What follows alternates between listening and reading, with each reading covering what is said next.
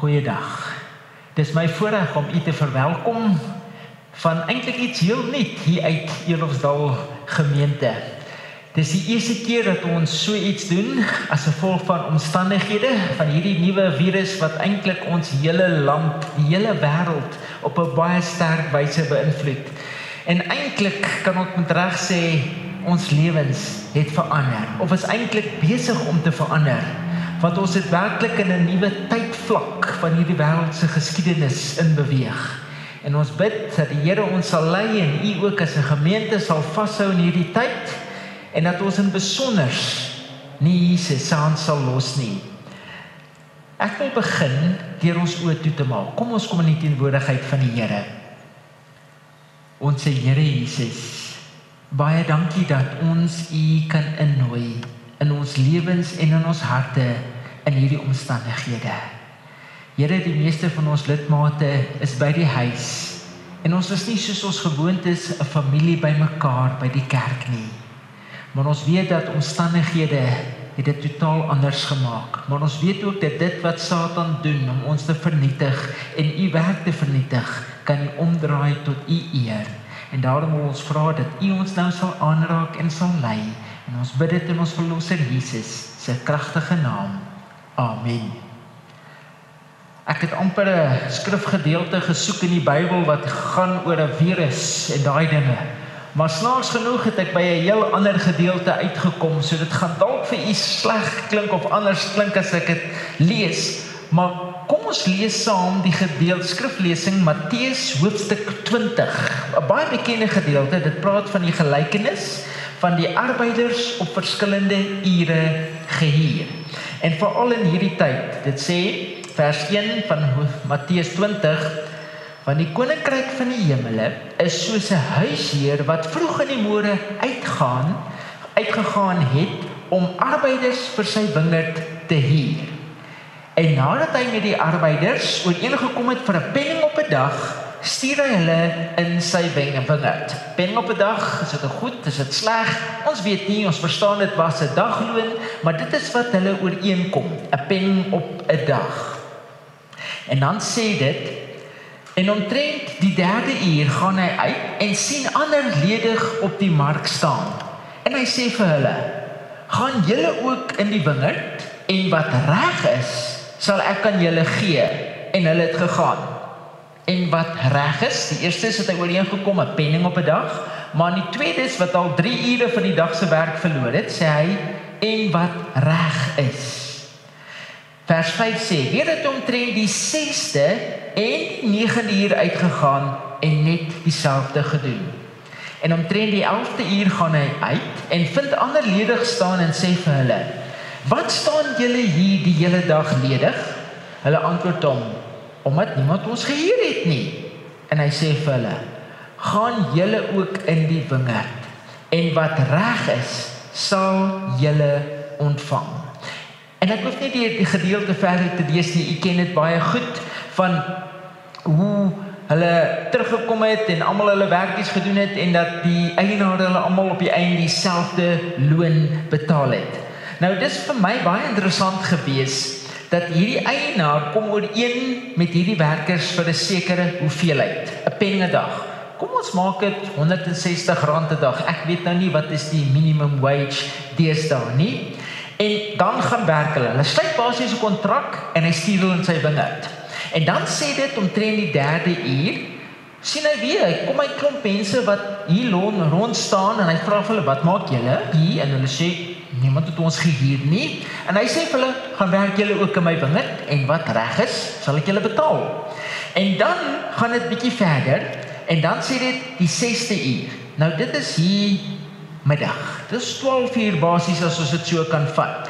Het hy uitgegaan en weer gekry en dan die 9de uur, dit is basies hier by 3 uur en dan sê dit omtrent die 11de uur gaan hy uit en hy vind ander lede rond staan. 11de uur is basies hier by 5 uur. So wat vir my interessant is, hy kry hierdie mense verskillende ure, stuur hulle in sy wingerd om te werk en jy ken die verhaal toe dit kom by die betaalslag, betaal hy opsetlik die wat laaste gehuur is, heel eerste. Heel eerste.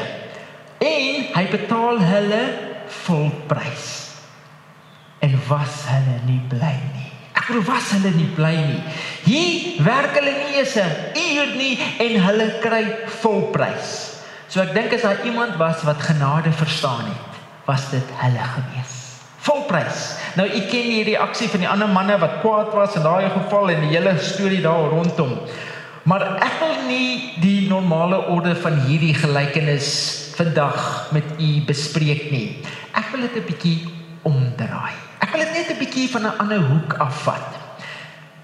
Stel jouself voor jy is een van daai werkers. Inteendeel, sit jouself in hierdie posisie. Jy staan daar, jy's een van hierdie werkers. Nou, ek wil hier in Suid-Afrika, is dit vir ons nie 'n onbekende vergelyking nie. Ek wil ons sien elke dag mense op die hoeke van die straat staan en hulle wag om gehuur te word vir die dag. Nou stel jouself voor jy is een van daai manne. Jy staan hier op die straat saam met 'n klompie manne en jy wag om gehuur te word. Jy wil werk, jy het nie werk nie, so dis al wat jy kan doen is hierdie dag se loon en hier staan jy in wag.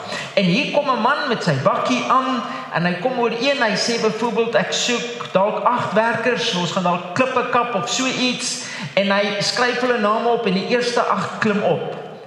En dis nie jy nie. Daar staan jy. Joe, niemand het jou gehuur nie. Dink jouself, dis jy, hier staan jy. Wat sou jy gedoen het op daai oomblik? Sou jy huis toe gegaan het of sou jy nog langer gewag het? Ja, ek sou nog langer gewag het. En hier 3 ure later staan jy weer daar nog daar wag en hier kom nog 'n ou en hy wil weer 'n paar mense hier en uh, hy sê vir julle wil jy werk, sal jy toe gaan werk? Ja, ek wil jy staan daar, jy gaan werk want dis wat jy wil doen. En hy kom weer 'n kontrak koop en hy sê goed, is bietjie tyd verby, maar wat reg is sal ek julle betaal. En hy vat weer 'n klompie ouens en uh en jy bly daar agter. Hy het nie vir jou gehuur nie. Wat sal jy doen? Dis nou 3 ure verby. Sal jy huis toe gaan of sal jy nog wag? Ek weet nie van u nie, maar dalk sal ek nog gewag het. En 12 uur kom of die middag kom en hier kom weer iemand af en hy sweek kort jobbie of iets wat hy gehad het gedoen moes word en hy soek weer mense en hier staan jy en 'n paar klim op en daar's nie vir jou plek nie. Hy huur jou nie. Nou, wat sou jy gedoen het? Dink by jouself, as jy nou daar gestaan het en niemand kom hier jou nie. Wat sou jy gedoen het? Dis helfte van die dag is verby. So in ander woorde, as iemand my nou gaan hier na die tyd, wat gaan ek kry? Ek weet nie van u nie, maar kyk. As ek nie 12 uur al huis toe gegaan het nie. Huis toe geloop het en sê ag wat die hek, ek sal môre weer probeer nie. As ek nie 12 keer huis toe gegaan het nie, kan ek jou verseker, 3 uur was ek al by die huis gewees. 3 uur was ek al by die huis. Maar hierdie manne staan daar tot op die 11de uur. Met ander woorde, die dag is byna verby. As iemand jou nou gaan kom hier, ek bedoel, wat is die kanse dat iemand jou op hierdie tyd gaan hier? Wat is die kanse? En dan nog, wat gaan jy kry vir net 1 uur se werk of net 'n gedeelte van die uur? Want ek bedoel, hierdie laaste ouens het as te ware maar net die skoffelpikke teruggedra huis toe. Want daar was nie eintlik meer iets om te doen nie. Die son was besig om te sak. So hierdie manne staan op die 11de uur en hulle word gehuur en hulle is bereid en hulle kry volprys. Het jy dit? Volprys. Wow, wat 'n genade vir hulle. Nou stap jy jouself jy's daar. Hoe sou jy gevoel het? Jo, ek wil ek sou seker so bly gewees het. Ek wil hier sou ek gedink het ek sou dalk as die dagloon dalk R180 was, sou ek heel waarskynlik R40 gekry het vir 1 uur of 40 20 10 dalk gekry het. Maar hulle kry vol prys. Vol prys. En dan die boodskap hier aan vir my is ek ken nou nie u omstandighede almal nie. Maar miskien is, is jy al vir jare in hierdie kerk of in 'n kerk of in jou kerk en en niemand vra jou om iets te doen nie.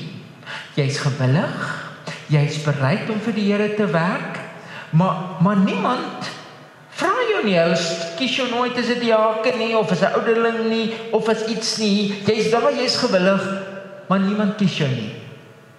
Wat doen jy? Wat doen jy?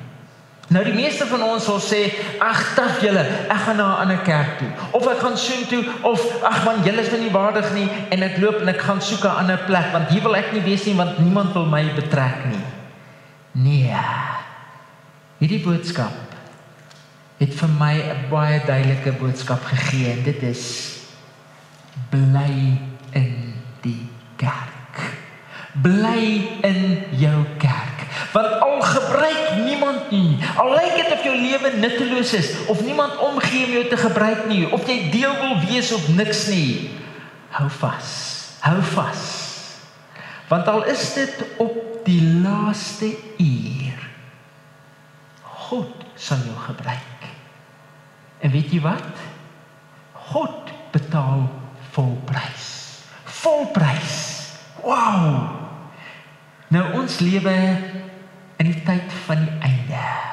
En ek wil hierdie virus en hierdie stryd en ellende van ons land se toestand, die lockdown en alles bewys vir ons wow, waar ons is. En ek wil vir u bemoedig en sê dis nie nou die tyd om uit hierdie kerk pad te gee nie. Al voel jy hoe nutteloos, hoe waardeloos, asof niks wat jy doen reg is nie. Ha, ha. God sal jou gebruik en hy betaal volprys. Al is dit op die laaste uur. Die duiwel het alles omvergegooi. Vir die eerste keer het hy op 'n manier dalk wetlik dit reg gekry dat ons van die kerk af moet wegbly. Dat ons nie by mekaar kan kom nie. Wat gaan jy doen? Wat gaan jy doen? Gaan jy net daar by die huis sit, nutteloos wees? Of gaan jy dat God jou in hierdie laaste uur gebruik tot sy eer? Nou, wat gaan veroorsaak dat jy bereid sal wees om tot die einde toe gewillig en bereid te bly staan in God se kerk sodat hy jou sal kan gebruik tot sy eer? Ek wil wat gaan veroorsaak dat ek en jy bereid sal wees om in hierdie kerk tot in die einde gewillig te staan en bereid te wees al is dit die laaste uur al is dit tot op die laaste uur wat gaan maak dat jy gaan staan? Wel eerstens jy gaan nie staan as jy nie desperaat is nie. Ha jy gaan nie staan as jy nie desperaat is nie. Ek bedoel as jy genoeg kos by die huis het as jy genoeg geld in die bank het. Hoekom gaan jy hier langs die pad staan en wag tot iemand jou hier? Ek wil eerste ou as hy my geskiep het, sal ek al vir hom sê: "Ag, taf man, ek is reg vir die dag. Ek gaan huis toe. Ek gaan hier in die son staan nie." Jy sien, as jy nie jou ware groot behoefte besef nie, hoekom gaan jy daarna smag of dit wil hê? As jy nie eens besef nie, hoe gaan jy daarna smag? Nou ek wil vir u verseker, dat Satan u oë so op hierdie wêreld gaan fokus dat jy versoek sal word of self sal dink dat jy nie werklik Jesus in jou lewe nodig het nie. Ek bedoel, die TV vat soveel tyd van jou op. Ons smag so na sekuriteit, mag, krag en gesag, net sodat ons veilig kan wees en op 'n nuwe fokus kan hê. Nou hierdie wêreld staan gereed om alles vir jou te gee om jou geestelike gemoed te sus. Dat jy dink, "Hey, ek is nie so bad nie." Nee, inteendeel, ek is alright. Weet wat ek, dit is alles goed en wel. As jy byvoorbeeld 'n 50 kg gewig, soos 'n sementsak op 'n dooie liggaam gaan neersit. 'n Dooie lijk neersit. Sê vir my, uh sal hy die gewig voel daarvan? Sal hy die gewig voel? Sal dit enige effek op hom hê? Ja, bro, hy staan dood. Hy's gevoelloos. Nou ek wil vir u sê net so dood is die sogenaamde Christen wat die gewig van sonde elke dag in sy lewe nie voel nie. Is jy desperaat vir Jesus? Of kom jy goed oor die weg sonder hom? Een ek het nodig om elke dag ons afhanklikheid van God te besef dat ons in werklikheid, ek bedoel verlore sondaars is wat hom uiters nodig het om ons te red. Ons moet as te ware desperate kinders wees wat elke dag besef hoe nodig ons Jesus in ons lewens het sodat ons elke dag in volle afhanklikheid na hom toe sal kom. Na Jesus toe sal vlug vir ons redding. En kom ons wees eerlik. Dit is eers wanneer ons ons volle afhanklikheid van Jesus se kruisdood besef dat ons bereid en gewillig sal wees om te bly staan in God se kerk. Alles dit op die laaste uur. Alles op die laaste uur. Maar dan tweedens wanneer jy Jesus in jou hart het En elke dag in hierdie afhanklikheid lewe, sal jy ook besef dat God jou wil gebruik om vir ander die lig te bring wat jy ontvang het. Ek ek weet nie of jy al gevlieg het nie. Weet As jy in die vliegtuig klim, het hulle mos altyd so 'n noodprosedure waardeur hulle gaan en vir jou verduidelik wat jy moet doen as daar 'n ongeluk is of iets gebeur of wat ook al. En dan as die vliegtuig 'n sekere hoogte bereik of iets bereik en daar's die drukking val en skielik is daar nie suurstof in die kajuit nie, dan verduidelik altyd hoe die suurstof dingetjie bo jou oopgaan en die suurstofmasker met sy pypie val uit. En dan moet verduidelik hulle vir jou hoe jy dit moet opsit en alles en dan mense moet help en alles. Maar die goue reël wat hulle oor en oor beklemtoon is hulle sê sit heel eers eers jou eie masker op voor jy ander help. Baie belangrik. Sit jy jou eie masker op vir jou kinders wil help. Jy weet ons wil ons intuïtief ons kinders help en daar doen. Hulle sê nee nee nee nee nee. Sit jy jou eie masker op en dan sal jy in staat kan wees om jou kinders te help. Die beginsel is baie eenvoudig. Ek kan nie ander help voor ek myself uitgesorteer het nie. Ek kan nie ander mense van Jesus vertel as ek homself nie het nie. En daarom, net so wanneer jy Jesus in jou lewe het, sal jy ander wil help. Weet ek wil eintlik sê ons beoefen vandag godsdiens baie selfsugtig. Ons is uiters selfsugtig. Ek kom kerk toe vir my wanneer dit my pas. As die entertainment nie goed is nie, dan gaan ek na 'n ander kerk toe of na 'n ander plek toe. Weet my gemak, my vrede is deesdae al wat tel. Weet jy hoeveel mense is daar al uit ons kerk uit? Bloot omdat iemand dalk net vir hulle gesê het, hoorie man, kan jy dalk net 'n bietjie op 'n ander plek gaan sit of dalk net 'n bietjie opskyk dat ons 'n besoeker hier kan laat sit. Waa! is hulle skielik so kwaad. Ek is nie welkom in die kerk nie. Brrr, hulle is hier uit en weg. Het jy al gedink hoe dom daai verskonings van jou gaan klink as jy die dag voor Jesus staan en jy vir hom moet vertel hoekom jy nie in die kerk is nie. O ja, jy kon dalk seer gemaak gewees het. Jou gevoelens kon dalk seer gekry het. Maar het jy gedink hoe dom gaan jou beste redes klink as jy in die oordeel voor Jesus moet staan? Jy sien as jy Jesus in jou hart het, sal ander mense skielik ook vir jou saak maak want hulle maak vir Jesus saak. Net hulle wat hulle afhanklikheid van Jesus besef en lief is vir Jesus en besef dat Jesus my ook wil gebruik en sal gebruik om ander mense te red. Net dan sal ek bly staan in hierdie kerk. Al is dit op die laaste uur. Want anders, wat maak ek hier? As my hart nie reg is nie met die Here nie, met my medemens nie, hoekom gaan ek hier bly?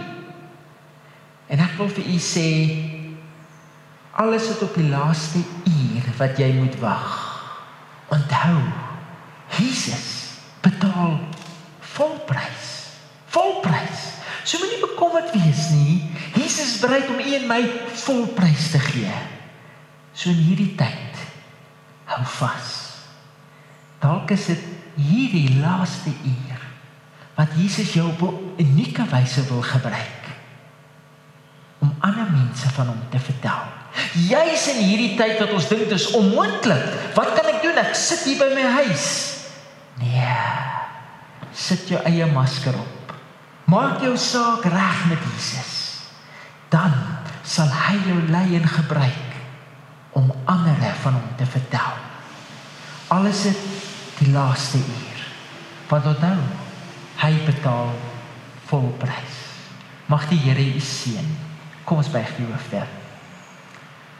Ons Here Jesus en ons God. Baie baie dankie vir u groot groot genade. Here dat u 'n God is wat gewillig met ons is, liefdevol is en die een is wat in die genade ons lewens wil gebruik. En al is dit op die laaste uur wat ons inkom en vir u iets kan doen.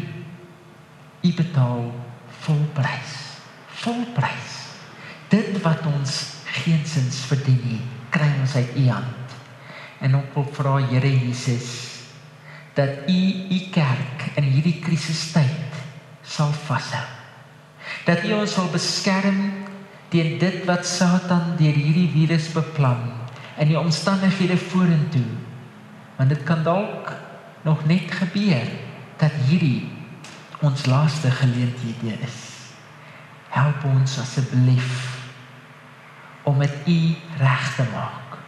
Om as te ware ons ware toestand te besef, wie wat ons is en dat ons desperaat sal wees om te smag na U, te smag na U vergifnis, te smag na U teenwoordigheid, te smag na U heling wat ons weer heel kan maak. En dat U ons se liefde sal gee vir ander mense, vir kosbare siele waarna toe U smag. En dat U ons in hierdie tyd kragtig sal gebruik om U naam te verheerlik, want U betaal volprys. Dankie Jesus. Baie dankie. Amen.